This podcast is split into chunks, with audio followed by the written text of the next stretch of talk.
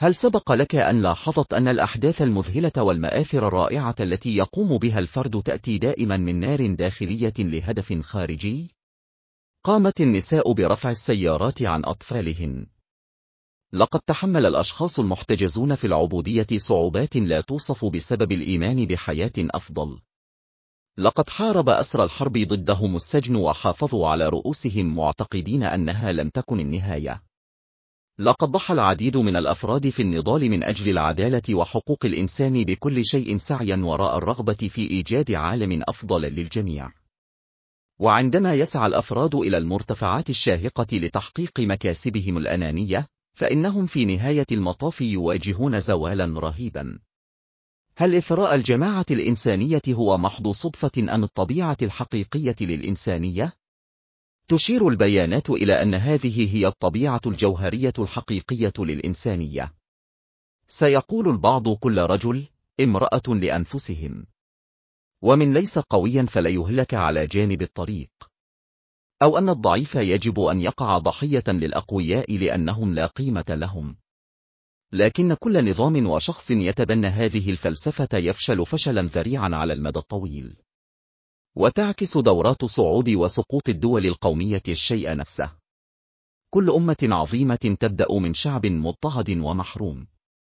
إن الرغبة في الحرية والحرية تغذي البطولة من أجل الحرية. وبعد ذلك، يولد القادة العظماء مؤقة. ثم بدأ الرضا عن النفس والشعور الزائف بالعظمة، وسرعان ما تبعه الازدراء والاستحقاق. إن رغبتها في الحرية والعدالة تصبح طرفا للقلة المختارة. ثم، كما ذكرت ماري أنطوانيتا عندما علمت أن رعاياها يتضورون جوعا وليس لديهم خبز، أجابت: إذا دعهم يأكلون الكعك. لقد غذت الثورة الفرنسية استحقاق الأشخاص الذين نسوا دورهم القيادي الطبيعي. قال آل كابوني ذات مرة إنه يفضل أن يكون مخيفا على أن يكون محبوبا، لكن حب الناس سوف يحميك من أي غازي. السياسيون يزدهرون أو يسقطون حسب حب الناس. نحن كأفراد نزدهر أو نفشل بنفس مجموعة القواعد. بالطبع، سوف ترضي البعض فقط. وسوف تكون في بالخاص بك قبيلتك. لم تصل البشرية إلى قمة التنوير تلك، والفهم الحقيقي والتنفيذ لا يزالان على بعد آلاف السنين. أو أن الإجابات موجودة في الأفق التال. ولكن تماما مثل اختبار أو فحص الاختيار من متعدد. ربما لا نعرف الإجابة، لكننا بالتأكيد نعرف ما لا نعرفه. وبغض النظر عن ذلك، فإن الدورات واضحة للعيان في سجلات التاريخ الحديث. هل يمكننا الاستمرار في مسار دائري متكرر مع الاعتقاد بأننا سنصل إلى موقع مختلف هذه المرة؟ هل لاحظت أن أدنى انحراف في العمليات الدورية يوفر فوائد هائلة؟ أتذكر أن صديقتي كانت تسلك طريقا مختلفا بعض الشيء لتجنب حركة المرور عندما كنا على بعد أميال قليلة من المنزل. بالطبع، كان رد فعلي الأول هو القول: إلى أين أنت ذاهب؟ فأجابت: من هذا الطريق. كان ذلك بمثابة إشارة لي للبقاء هادئا. لقد وثقت بها كشخص. وسرعان ما أدركت التحسن في مسارها المنقح. لقد فاتنا حركة المرور، ولاحظت وجود محطة بنزين، وقود بها وقود أرخص. لقد استخدمت نفس الطريق عدة مرات. كان الإجراء الجديد مفيدا في الصباح والمساء. لقد ضحكت في نفسي عندما كنت أستمع إلى زملائي في قضية كبرى مع زوجاتهم وأزواجهم وأصدقائهم وعائلاتهم، الذين كانوا يلمحون إلى خطة عمل مختلفة.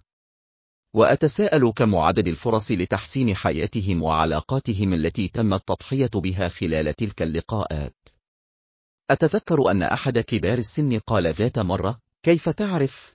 هذا البيان واضح ومباشر، لكنني طلبت ذلك في نسختي المعدلة. لقد سألت العديد من الأشخاص الذين طلبوا مشورتي. إذا كنت لا تعرف ما هي الإجابة، فكيف تعرف ما هو ليس الجواب؟ بالطبع، هذا لا يعتبر خطا فرعيا ومثير للسخرية. إن إشعال النار في منزلك للقضاء على الصراصير ليس بديلا قابلا للتطبيق. في حياتنا، نقوم باختيارات عندما نلتزم بالأهداف الإيجابية والسلبية. إذا التزمنا بالعظمة، من أجل الصالح العام، فسوف نكسر الدورات التي لا تنتهي من الصعود والهبوط. وهذا ما ابتليت به البشرية منذ فترة طويلة. وبطبيعة الحال، لا أدعي أن لدي كل الإجابات. لكنني، مثل أرسطو، أود أن أدعوك إلى المناقشة. وأود أن أسألك أيضا، كما سئلت ذات مرة، كيف تعرف؟ لأنه إذا كنت لا تعرف ما هو الجواب. كيف تعرف ما هو الجواب ليس كذلك؟ لذلك يا أصدقائي، حتى المرة القادمة. من فضلك تذكر أن تحب نفسك. أنت لست وحدك. أنت ذات صلة وجديرة. ماذا عن ذلك؟